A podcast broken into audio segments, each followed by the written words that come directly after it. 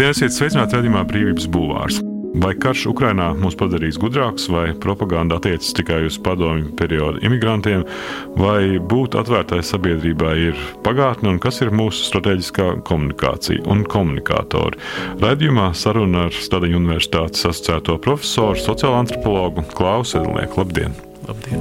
Saprotu, kāda nu, tāda senāka intervija ar jums, kur jūs analizējāt nu, šo komentāru vidi sociālos mēdījos, un jūs izteicāties toreiz, ka vīrieši un veci cilvēki ir tie, kuri uzvedās agresīvāk šajā vidē, vai šis sociālais aspekts nu, mainās attiecībās nezinu, uz dzimumu, vecumu kritērijiem? Īsti viņam it kā nevajadzētu mainīties ļoti, ļoti strauji, ja? jo visā visumā vīriešu komunikācija komunikācijas veids, mēs to zinām arī no citiem pētījumiem, ir, ir agresīvāks un tāds uz konfrontāciju vairāk vērsts nekā sievietēm arī citos aspektos. Tas droši vien ir saistīts vai nu, vai nu ar kaut kādu iedzimtību, vai nu ar sociālo lomu, kura ir iemācīta, nu, un līdz ar to arī ļoti fundamentāli, jā, vai arī abi divi šie rādītāji kaut kādā kombinācijā, to mums grūti pateikt, jā, bet um, ņemot to vērā, tam nevajadzētu mainīties ļoti ātri. Ja? Un, un par tiem veciem cilvēkiem es īsti neatceros, no kurienes tas bija balstīts. Jebkurā gadījumā šādas attieksmes nemainās nu, tā no dienas uz dienu. Tās ir sistemātiskas. Bet kur, piemēram, atrod nu, jaunākā paudze savu sociālo artikulāciju? Jo nu, labi, mēs redzējām, ka Šis pats piemērs ar aktrisi, kur atsakās no savas balvas kino mm -hmm. nozarē, kas ir tāds savu veidu sociāls akts un sociāla protesta mm -hmm. forma. Mēs nevaram teikt, ka, nu, ka viņi ir pasīvi arī šie jaunie cilvēki. Viņi, būtu... viņi varētu būt arī, arī pasīvāki un tādi, kas mazāk iesaistās publiskā konfrontācijā. Ja, jo, ko mēs esam redzējuši arī citur, jauniešu aptaujās, piemēram, ka jaunieši īstenībā ir diezgan tādi uz normām orientēti piemēram, bija nesen pētījums drīkst, par. Nedrīkst. Jā, to, ko drīkst, ko nedrīkst, ko darīt pareizi, ko nepareizi. Jā. Un, un tad viņi arī sev paši apzinās, kur viņi pārkāpja tās sociālās normas un kaut kā mēģina sevi iegrožot. Piemēram, bija nesen pētījums par mobilo telefonu lietošanu pavisam mm, svaigs. Tur tika jautāts cilvēkiem, nu, kādas ir tās lietas, no kurām viņi gribētu atbrīvoties, un kādi ir viņu sliktie paradumi attiecībā uz mobilo telefonu lietošanu. Un tur bija ļoti labi redzams, ka jauniešiem ir diezgan izteiktas nu, pārmetumi par to, ka viņi, piemēram, lieto pārāk daudz vecāka gada gājuma cilvēki daudz mazāk sev pārmet to, ka viņi lieto pārāk daudz. Viņi varbūt patiešām arī lieto mazāk, ja, jo tur arī tas parādījās. Bet, eh, bet nu, jauniešiem eh, viņi arī apzinās to, ka viņiem šī uzvedība nav pietiekoši atbilstoša kaut kādām gaidām. Jūs savulaik kādā intervijā runājot par šīm tradicionālajām vērtībām un izpratni par to, kā viņas pastāv un kādā veidā mantotas vai nodotas. Kādā no šīm intervijām norādījāt, ka šīs tradicionālās vērtības patiesībā nemaz nav tik senas, ka viņas, ja mēs pāranalizētu, tad ilgstamība vai ilgdzīvotība ir ne vairāk kā divas paudzes. Tas nozīmē, ka principā mēs varam prognozēt, ka, nu, ka tās izmaiņas attiecībā uz šo vērtību izpratni varētu diezgan strauji mainīties. Jo pašu, nezinu, kas, kā to nosaukt, vērtību, dabīgā spēja uh, mainīties ar trešo paudzi jau ir pavisam savādāk. Nu, tur kaut kādas noteiktas lietas, kuras mēs pamatojam ar tradīcijām. Jā, šīs tradīcijas bieži vien, tad, kad viņas sāk šķetināt, izrādās, ka ir samērā nesenas. Jā. Tur gan par noteiktām kaut kādām ģimenes formācijām vai veidojumiem, jā, vai piemēram latviešu uzskati par viņu dzimtām, jā, par radniecību.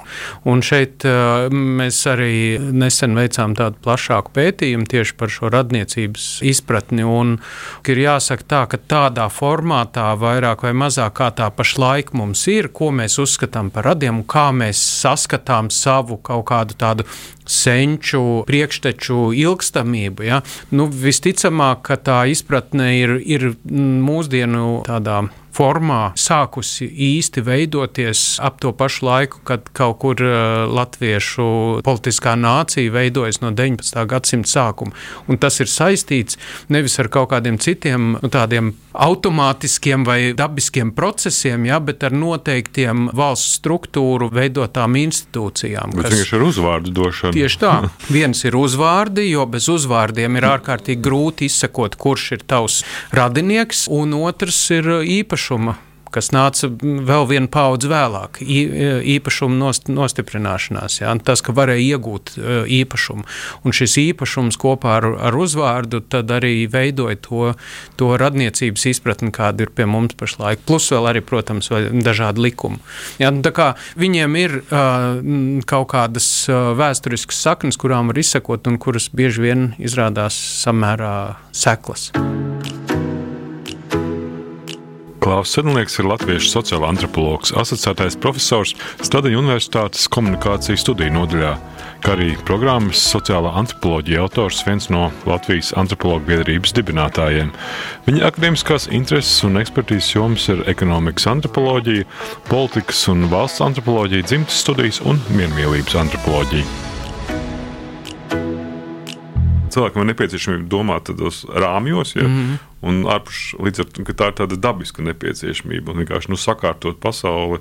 Pēc kaut kādām konkrētām struktūrām, kas sociāli vai Jā. individuāli nepieciešama funkcija, un tā tiek arī reducēta attiecībā nu, uz dzimumiem. Tas bija saistīts ar uh, dzimumu stereotipiem un to, kāpēc mums vispār tādi stereotipi ir. Nu, respektīvi, tādi vienkāršoti uzskati par to, kā kaut kādas uh, grupas kuras mēs izveidojam savos uzskatos. Ja? Un piešķirot šīm grupām kaut kādus standarta, vienkāršotus uh, uzvedības principus. Ja? Tur vīrieši, piemēram, uzņēmīgi un, uh, un uz procesu orientēti, ja? un, vai uz mērķi orientēti, un sievietes uh, mazāk uzņēmīgas. Nu, es tagad um, kariķēju ja, šos, šos stereotipus. Bieži vien tas uzskats ir tāds, ka mums stere no stereotipiem vispār vajadzētu tikt vaļā. Un tas, ko es arī teicu, ka mēs nevaram no tiem tikt īsti vaļā, jo tas ir veids, kā mēs saprotam pasauli. Nu, mums ir kaut kā viņas jāsagrupē, mēs nevaram katru individuālo gadījumu katru reizi izsvērt, un tāpēc mēs pieejam pie lietām, izmantojot šos vienkāršos uh, kaut kādus principus un stereotipus. Tas nozīmē, ka stereotipiem arī ir tāda pasaules sakārtošanas funkcija. Pie... Nu, drīzāk, nu, Jā, nu, ja mēs to varam dažādi nu, nosaukt. Jā, nu, tas, tas ir vienkārši veids, kā mēs skatāmies. Tas attiecas uz, uz jebkurām lietām. Mēs visas lietas, cilvēka prāts ir sakārtots tā, ka mēs, mums ir ierobežots jēdzienu daudzums, ar kuriem mēs varam operēt. Pasaule ir bezgalīga, un pasaule nav sadalīta grupās. Tajās grupās mēs viņu sadalām ar savu prātu. Un tas ir tāpēc, ka mums ir kaut kā tā pasaule jāaptver, un, un mēs aptveram viņu caur ierobežotu jēdzienu daudzumu. Ja? Nu, mums ir krūzīte, piemēram. Ja? Mums ir galds kā jēdziens, un mēs tajā saliekam šajā galda jēdzienā vai krūzītes jēdzienā ļoti daudz dažādas, dažādas priekšmetus. Ja? Un tad mēs sakām, lūk, galdiem ir šādas īpašības, vai krūzītēm ir šādas kaut kādas īpašības. Tāpat mēs arī cilvēkus sagrupējam noteiktās grupās un sakām, ka viņiem ir noteikts īpašības, kas, protams, neatbilst katram, katram individuālajam gadījumam. Bet citādi mums ir grūti, jo mēs nevaram katram priekšmetam izdomāt savu jēdzienu. Tas nav iespējams. Jo, jo, jo visā visumā pasaule ir analoga, nevis digitāla, nevis saskaldīta kaut kādās mazās grupiņās. Ja. Nu, tādā ziņā es nezinu, vai to var nosaukt par sakārtotību, vai arī drīzāk sakārtotība pat kā tāda jau ir, ir nu, mūsu domāšanas fenomens. Mums vajag, jo skaidrāk šīs kategorijas ir izteiktas, jo mēs jūtamies komfortablāk. Un tas ir arī nu, tāds jau klasisks uh, Mērijs Douglas, uh, britu antropoloģis, izteiciens, ja, ka dirt is a matter out of place, respektīvi netīrumi ir lietas, kuras ir ne savā vietā. Un to pašu viņi arī attiecina uz visu, kas ir starp kategorijām. Ja? Bet nu, šī tīrības kategorija, jūs arī esat par to nu, runājis un rakstījis, ka tas ir 20. gadsimta fenomens, bet arī te pašā laikā ļoti bīstams fenomens, pie kura ik pa laikam mēs jūtam arī 21. gadsimta nu, kaut kādas, nezinu, politiskie strāvojumi vai, Jā. vai, vai, vai sabiedriskā doma mēģina atgriezties. Jā, tīrības kategorija kā tāda droši vien nē, jo tīrība un netīrība ir raksturīga visām cilvēku grupām. Ja? Tad, tad, kas ir tīrība? Tīrība ir, ir skaidri norobežota kategorija. Viss, kas iet, atbilst šai, šai kategorijai, tas ir tīrs. Un tās Mērijas Duglas ideja ir tā, ka tās lietas, kuras ir starp kategorijām vai kuras ir tajā vietā, kur tās kategorijas pārklājas, tām ir ļoti liels potenciāls tikt uzskatīts par netīrām vai tās lietas, kuras nokļūst kaut kādā veidā nepareizā vietā. Ja? Un tas ir viens no tiem iemesliem, piemēram, kāpēc daudzu cilvēku prātos ideja par vienzimumu laulībām izraisa šausmas vai par seksuālām attiecībām starp vienu dzimumu cilvēkiem. Ja? Jo tās pārkāpj šīs kategoriju robežas. Un tad, kad tās kategoriju robežas tiek pārkāptas, mēs domājam, ka tur kaut kas nav kārtībā. Nu, tā mācība no šī ir īstenībā tā, ka tās kategorijas jau mēs esam paši paši izveidojuši. Viņas varētu būt arī citādi sakārtotas uh, kategorijas. Jā. Piemēram, galds. Nu, nepastāv tādas dabā lietas kā galds. Mēs esam viņus ierindojuši paši. Cilvēku prāts ir ierindojis kaut kādu daļu lietu kategorijā galds. Un visas tās lietas, kuras ir pa vidu starp galdu un krēslu, mums ir kaut kā tā, mm, nu, kā pret viņām izturēties. Par spīti šai acīm redzamajai mūsu pašu pieredzei, lielā daļā mūsdienu politiķu un sabiedrības kopumā valda pārliecība, ka komunikācijas galvenie rīki ir informācijas pasniegšana un reklāmas kampaņa. Turklāt šī pārliecība darbojas apvienojumā ar ticību komunikācijas nesatricināmajai efektivitātei. Šī ticība, kā izskatās, balstās divos citos uzskatos. Pirmkārt, ka cilvēki ir racionāli domājoši būtnes, un racionāli domājot, dilemām ir tikai viena pareizā atbilde, kā arī tikai viena taisa sekojošā pareizā rīcība. Tas nozīmē, ka cilvēkiem, kur rīkojas mūsuprāt nepareizi, vienkārši nav pietiekoši daudz atbilstošas informācijas. Otrais uzskats ir zināmā mērā pretējs iepriekšējam, jo pieņemam, ka cilvēki ir samērā nedomājoša masa, kura kā sūklis uzsauc pareizi sagatavots vēstījums un tad attiecīgi rīkojas. Šeit tad nu komunikācijai ir ļoti liela nozīme tieši pārliecinošā veidā. Vesels industrijas ir uzbūvēts uz centieniem atrast pareizos vārdus un vizuālos kairinātājus, kuri liks cilvēkam rīkoties noteiktā veidā. Tā portālā Satorija savulaik rakstīja sociālā antropologs Klaus Sedlnieks.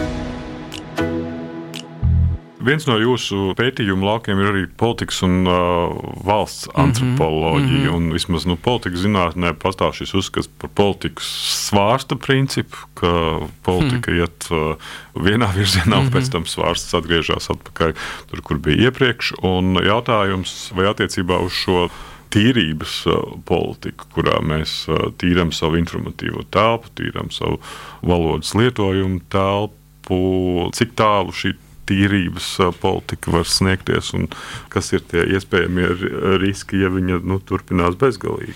Es nezinu, vai mēs varam īsti prognozēt, cik tālu tas svārsts ir spējīgs, kāda ir tā amplitūda. Ja, jo, jo mēs jau varam cerēt, no, ka tā nu, izauga savu laiku fašisms. Nu, tieši tā, tieši tā. Un, un ja, ja mēs kaut kādā 20. gados vāciešiem vai, vai pat 30. gadu pašā sākumā teikt, nu, pēc 15 gadiem jūs būsiet pilnībā sagrauta nācija, kur būs izraisīta viss, ja, diezin vai cilvēki būtu no tā īsti ticējuši tam. Ja, viņiem droši vien vēl kāds pāris gadus bija grūti iedomāties, ka tas svārsts vēl var turpināties uz priekšu.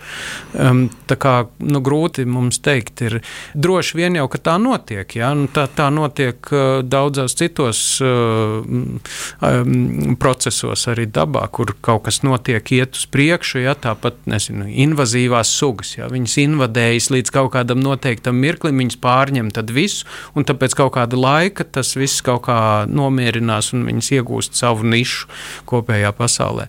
Tāpat arī attiecībā uz sabiedrību. Nu, tāpat arī attiecībā uz sabiedrību. Jā, kaut kas aiziet, pārņem, ir milzīga mode, ja pēkšņi viss staigā nu, ar bārdām vai ar kaut ko tamlīdzīgu, un tad tas atkal kaut kā noiet nu, mazumā. Tas vārds, protams, ka, ka darbojas. Bet ko sociāla antropoloģija uzskata par ilgtermiņa procesu, ja tas neilgst? Ja tad mm. vērtību sistēmu mēs runājam no, tikai par divām, trim paudzēm. Viens no pamata jēdzieniem antropoloģijā vienmēr ir bijis, lai gan ar piebildi, ka šis jēdziens kaut kādā mirklī samērā nesen ir kritis nežēlastībā, ir kultūras jēdziens. Un kultūra ir kaut kas tāds, nu, tās ir visas tās lietas, kuras mēs iemācāmies no iepriekšējām paudzēm. Radījums Brīvības Bulvārs. Sarunas par to, kas notiek un ko mēs par to varam domāt. Ja mēs atgriežamies vēl uz šo politikas lauku, Jūs arī esat, es skatījos, komisijā tajā Rīgas domas pilsētas pieminekļu, pieminekļu padomē, jā, jā. kuras uzdevums bija nu, lemt par šiem pieminekļu saglabāšanu vai likvidēšanu pilsētvidē. Nu, šis arī ir tas jautājums par tīrību un netīrību. Absolut, par to, kāda veida ir šī nepieciešamība nu, šo tīrību radīt un kāda tad ir tā jūsu pozīcija tajā jautājumā. Mm -hmm. Man šķiet, ka viena svarīga ir pamanīt to, kā šī um, nu, kara situācija, Ukraiņas kara situācija, un tas ir raksturīgs daudz kara situācijām vispār, tas nav tikai mūsu gadījumā, kas liek šīs robežas vilkt daudz stingrāk, kur agrāk mēs esam varējuši sadzīvot ar dažādām variācijām nu, kad cilvēki runā, viena izsaka kaut kādas domas, kurām varbūt mēs piekrītam, varbūt nepiekrītam. Ja? Un tagad mums ir tāda sajūta, ka šis ir daudz grūtāk šo tolerēt. Ja? Tas pats attiecas arī uz pieminekļiem. Ja? Nu, visā visumā tas upīts mums īpaši netraucēja kādu laiku. Nu, ja? Viņš jau bija, man liekas, pārvērties par koku. Parkā. Jā, jā. Viņš, tur, viņš tur stāvēja. Un tāpat nu, Puškins, nu, labi, daudziem viņš nepatika un, un nebija īsti skaidrs, kāpēc viņš tur ir ir. Ja? Bet tagad šajos uh, apstākļos uh, šķiet, ka mēs vairs to neskaidrību īsti negribam vairs tolerēt. Un mums, un, un mums ir jāpasaka, vai nu jūs esat ar mums, vai nu pret mums, vai nu viņš ir vienā vai otrā pusē šai kategorijai. Tas ir mēs varbūt nu, uz šo periodu šo pieminiektu paņemam malā un tad pēc tam noliksim atpakaļ. es domāju, jā, ka pēc, nu, tagad mēs vienalga, ko mēs ar viņu izdarīsim, jā, bet uh, iespējams, ka pēc kaut kādiem gadiem N, uh, kad viss šis būs norims, tad cilvēki cilvēki domās, nē, nu, bet pagaidi, varbūt, ka būtu bijis interesanti viņu tur vēl saglabāt, ja to pieminekli. Un, un iespējams, ka tas attiec, būtu attiecies arī uz, uz to okupekli, ja, kurš laimīgi ir jau projām no acīm. Bet um, tas ir mūsu laika fenomens, un tas pats attiec arī uz to krievu valodu, ja, kāpēc tagad ir parādījušies no, nu, tie, tie aicinājumi, ka mums ir ļoti, ļoti stingri tur jābūt pūristiem šajā gadījumā un jānovāc pilnīgi visi uh, uzraksti raksti, ja, ko es redzēju stacijas laukumā, to vokzālu m, mm, laikam ir izņēmuši ārā, kuru iespējams daudz vispār nebija pamanījuši. Ja. Bet um, no nu, šādi konfrontācijas situācijas liek uh, vilkt šīs robežas. Es to runāju, piemēram, ar cilvēkiem, uh, un toreiz man tas likās, uh, nu, tā, zināmā mērā, eksotiski un kaut kas tāds, ko visticamāk man nav bijis un nebūs jāpiedzīvo Dienvidslāvijā, kā man stāstīja Melnkalnes uh, uh cilvēki, ar kuriem es veicu arī pētījumus, runāju, intervēju viņus. Viņi teica, ka bijušas tādas situācijas, kad, tu, piemēram, skolnieks stāsta pats par savu pieredzi, ka viņš iet skolā un, un viņi tur visi ir bērni, tā kā nu, iet klases biedri. Un pēkšņi vienā mirklī tev uzdod jautājumu, kas tu esi? Horvāts vai serbs? Tu vispār pirmo reizi tādu jautājumu izdzirdēji. Nekad nav bijis šī, šis jautājums. Vai tu, tu nezini, horv... kā pareizi atbildēt? Ne tikai tu nezini, kā pareizi atbildēt, atbildēt, bet tev ir jāizdara pēkšņi šī izvēle. Vai nu tu esi vienā vai otrā pusē. Tur līdz šim šis sadalījums nebija būtisks. Pēkšņi viņš parādījās, tāpēc, ka bija šis Dienvidslāvijas karš.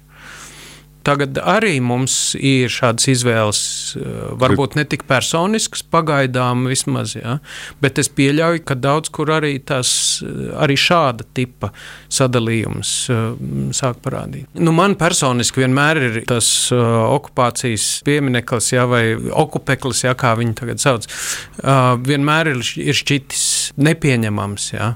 Bet es nekad neesmu lolojis ilūziju, ka ja mēs viņu novāksim, ja, tad tur būtu pēkšņi kaut kaut kā tie cilvēki, kuriem likās, ka viņš ir svētvieta, jā, un kaut kā tam līdzīga, kam tas bija ļoti svarīgi, ka viņi tagad arī nu, tā, tā problēma izzudīs viņiem. Jā. Viņiem tā problēma neizzudīs.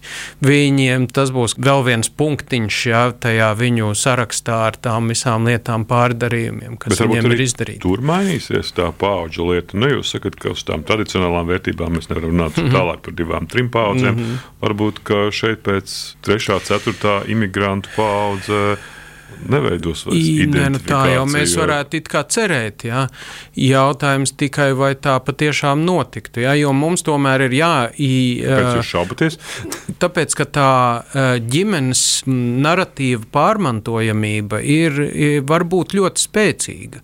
Skaidrs, ka ja cilvēki grib integrēties, Jā, ja viņi grib ieplūst, un mēs to zinām piemēram no, no latviešu emigrācijas jā, vai trimdas aprindām, jā, kas notiek ar pirmo, otro un trešo paudzi. Jā, tad tajā otrajā un trešajā paudzē cilvēki parasti jau paši grib iekļauties tajā apkārtējā sabiedrībā. Ja? Tāpēc, ka tā apkārtējā sabiedrība piedāvā viņiem daudzas visādas priekšrocības.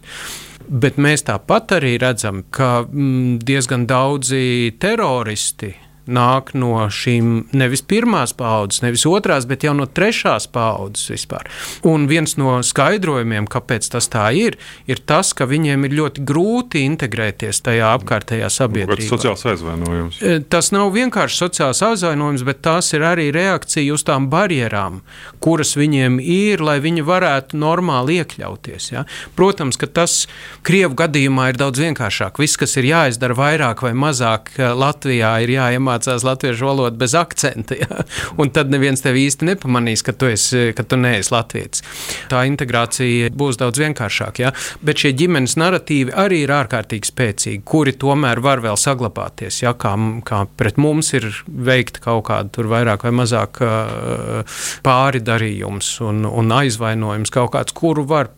Nu, kurš var tikt pārmantots no vienas paudzes uz otru? Attiecībā vēl uz pieminekļiem, nu, tas, kas šobrīd izskatās publiskā telpā, vai nu tas ir politisks instruments, bet šķiet, ka tas Puškina piemineklis šobrīd sāk aizvietot to uzvaras pieminekļa, uzvaras piemineklim piešķirto simbolu, nu, vismaz pildot to pašu instrumentu, ko pildīja tas uzvaras piemineklis. Tur ir atrasts jauns mērķis, vēl viens no tās pieminiektu novācēju uh, puses. Viņš, tas mērķis ir pārvietojies uz turieni. Ja. Mm. Tas, ka tas Puškina tēls ir skaidrs, maigās varas instruments, un lūk, mums ir lieliskais dzejnieks, un tas dzejnieks ir, ir paudis kaut kādas vispār cilvēciskas uh, vērtības, un tāpēc, lūk, uh, un tam ar politiku nav nekādas sakarības. Tas jau daudz maz uh, ir skaidrs un redzams. Jā.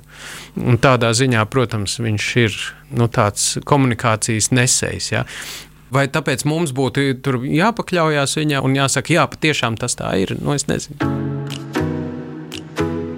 Cilvēki nevis tic, ko mēdīji viņiem stāsta, bet gan piemeklē sev tādus mēdījus, kuri apmierina viņu intereses un stāsta to, ko viņi vēlas dzirdēt.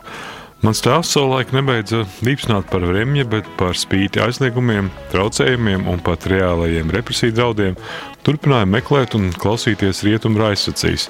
Nešaubos, ka Krievu kanāla patērētāji un Putina politikas apjūsmotāji tagad aktīvi meklē veidus, kā tikt pie informācijas, kura viņuprāt stāsta par to, kā ir un kura viņuprāt neslēpj patiesību. Turklāt ir naivi domāt, ka šīs grupas cilvēki kaut kādā veidā mainīs savus uzskatus, ja viņi pietiekošā dozā saņems Latvijas mēdīju vēstījumu. Latvija varētu izveidot tikpat kontrolētu mēdīju vidi, kāda bija Padomju Savienībā, bet tas nenozīmēs, ka visi, kuri viena vai otra iemesla dēļ mājās un savu draugu lokā turpina uzturēt nepatiku pret Latvijas pašreizējo politisko izkārtojumu vai jūsmu par Putinu vai Lukašenko režīmu, tiks padarīti par informatīvajiem latviešiem. Tā Satorija raksta Klaus Sedlnieks. Bet, ja mēs nu, skatāmies uz to, ko tas izdarīja ar, ar, ar Krievijas sabiedrību, vai tomēr mēs nezinām visu patiesību, jo nav socioloģijas un ir tikai kaut kāda Levadas centra Jā, tur, un visi uh, melo un baidās. jā, tur, ir, tur ir ļoti grūti tiešām Tas zināt, kāda, kāda ir tās Krievijas. Skaidrs, ka Krievijas sabiedrības nostāja vienmēr ir bijusi acīm redzami nu, tāda nosliekusies vairāk uz šo totalitāro virzienu un viņu zināmā mērā izpratusi vai atbalstījusi. Ja? Nu, nepavelti tomēr tur šie režīmi ik pa brīdim ir parādījušies. Gan cara laikā tas režīms bija diezgan briesmīgs briesmīgs gan, gan padomju laikā, jā, ar visām no tā iz, izrietošām sekām, gan arī tagad. Nu, tas kaut ko droši vien liecina par to.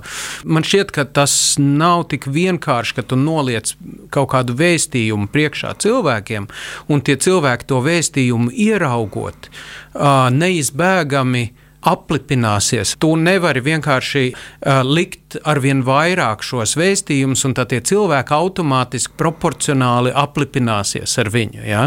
Tas, ko es arī saucu par pilnās glāzes principu, ja? proporcionāli tam, cik mēs tur ieliesim, viņa, viņa pildīsies. Ja? Un vienā mirklī viņa būs pilna līdz malām. Man šķiet, ka ir tā, ka tos vēstījumus mēs tomēr ļoti lielā mērā filtrējam un arī izvēlamies, kurus mēs uzskatīsim par pareiziem un kurus mēs uzskatīsim par nepareiziem. Bet jūs domājat, ka cilvēks nevar nu, mainīt tās savas eh, informatīvās komforta telpas, ka viņš Iespējams, un droši vien, ka viņš tā maina. Ja? Ietekmē? Kompleksā visticamāk, ka ietekmē. Un tas ir labs jautājums. Ja? Nu, kā tas tā varēja būt, ka mēs dzīvojam uh, tajā padomju vidē? Kā tas notika, mēs visi to atceramies. Mums bija simtprocentīgi, gan, nu, varbūt ne simtprocentīgi, teiksim, 95% padomu propagandas vide ar ļoti niecīgu kaut kādu uh, cita vēstījuma esamību. Ja? Un to mums lādēja visur iekšā, pa radio, pa televīziju, pa visiem citiem mēdījiem. Un tajā pašā laikā mēs to visu kratījām nost, visu, ko mums stāstīja mājās, ko stāstīja kaut kur. Uh, virtuvē paklusam, vai ko mēs bijām kaut kur sadzirdējuši no Amerikas balss. Ja? Tas viss tika pieņemts kā tīra patiesība, tāpēc ka mēs gribējām tam ticēt un negribējām ticēt tam, ko stāstīja Vrēmja un, un vispārējie padomu kanāli. Vai jūs prāt no tā, ka cilvēks tomēr kaut kādā ziņā ir imūns? Pret šādu veidu vēstījumiem, varbūt nevajadzēja nemaz aizslēgt tās Krievijas televīzijas cietu. Mēs vienkārši Jā. varējām fonā, tas viss varēja Jā. skanēt, un, ja mēs mērītu sabiedrību, nekas savādāk šeit nebūtu. Šo jautājumu varētu uzdot uh, tiem uh, cilvēkiem, kas uh, padomu laikā uzlika zāģus uz Amerikas balsi vai vajadzēja vai nevajadzēja. Ja? Jo mēs redzējām, ka uzlika to zāģus uz Amerikas balss, un visi klausījās tik un tā, uzlika labākus, labākus antenas, ja? un tas vēstījums vēl vairāk nostiprinājās. Ja tā komunikācija un apziņa darbotos līdzīgi, kā es teicu, kā tā glāze, kura piepildās, ja, tad viennozīmīgi mums ir jāizņem ārā tā komunikācija, visi tie vēstījumi, kuri m, būtu nevēlami. Tad tikpat neviennozīmīgi bija šie lēmumi, visi, kas bija saistīti ar, piemēram, holokausta noliekšanu. Ja. Tur vēl bija citi formulējumi, kuri principā pateica to, ka šaubas nedrīkst izteikt par kaut kādu noteiktu vispār pieņemtu interpretāciju par vēsturi. Ja? Tā problēma ir tā, ja mēs šos viedokļus vispār izslēdzam no vidas, viņi jau nu, tā automātiski nepazudīs no tās vidas. Un kur viņi tad kaut kādā veidā rūks tur apakšā, kaut kādā pagrīdē, kur būs uh, sazvērstības teoristi, ja, kuri no šitā izpūtīs uh, nu, kaut kādu pilnīgi savu mm, trako teoriju, ja, un kurai būs savukārt cilvēki, kur tai pašā pagrīdē viens otru nostiprinās pārliecībā, ka viņi dzīvo nezinu, kaut kādā regulētā vidē. Ja. Tā kā es neesmu ļoti no tā pilnībā pārliecināts. Vienmēr mazliet šaubos par to, kā tas būtu pareizi. Bet man tomēr uh, ir ļoti lielas bažas par to pieeju, kura saka, mums vienkārši šos vēstījumus ir jāizliedz, jānoklusina vispār un jāizslēdz no publiskās aprites ārā. Jo, manuprāt, tomēr tā diskusija ir tā, kura ļauj mums nonākt pie saprātīgiem slēdzieniem, nevis tāda nu, diktāts par to, kas ir pareizi un kas nav pareizi. Skaidrs. Paldies! Tas bija Klaus Edlnieks, sociāla antropologs. Bija Radījums Brīvības bulvārs. Mans vārds Gins Grūber, radījumu ierakstīja Toms Šits un montēja Nora Mitspa. Paldies! Paldies! Brīvība ir brīvība. Nevienlīdzība vai taisnīgums, vai kultūra vai cilvēks laime. Tā teica Iesai Berlīns. Sarunas ar brīvas apziņas un ideju cilvēkiem radījumā Brīvības bulvārs.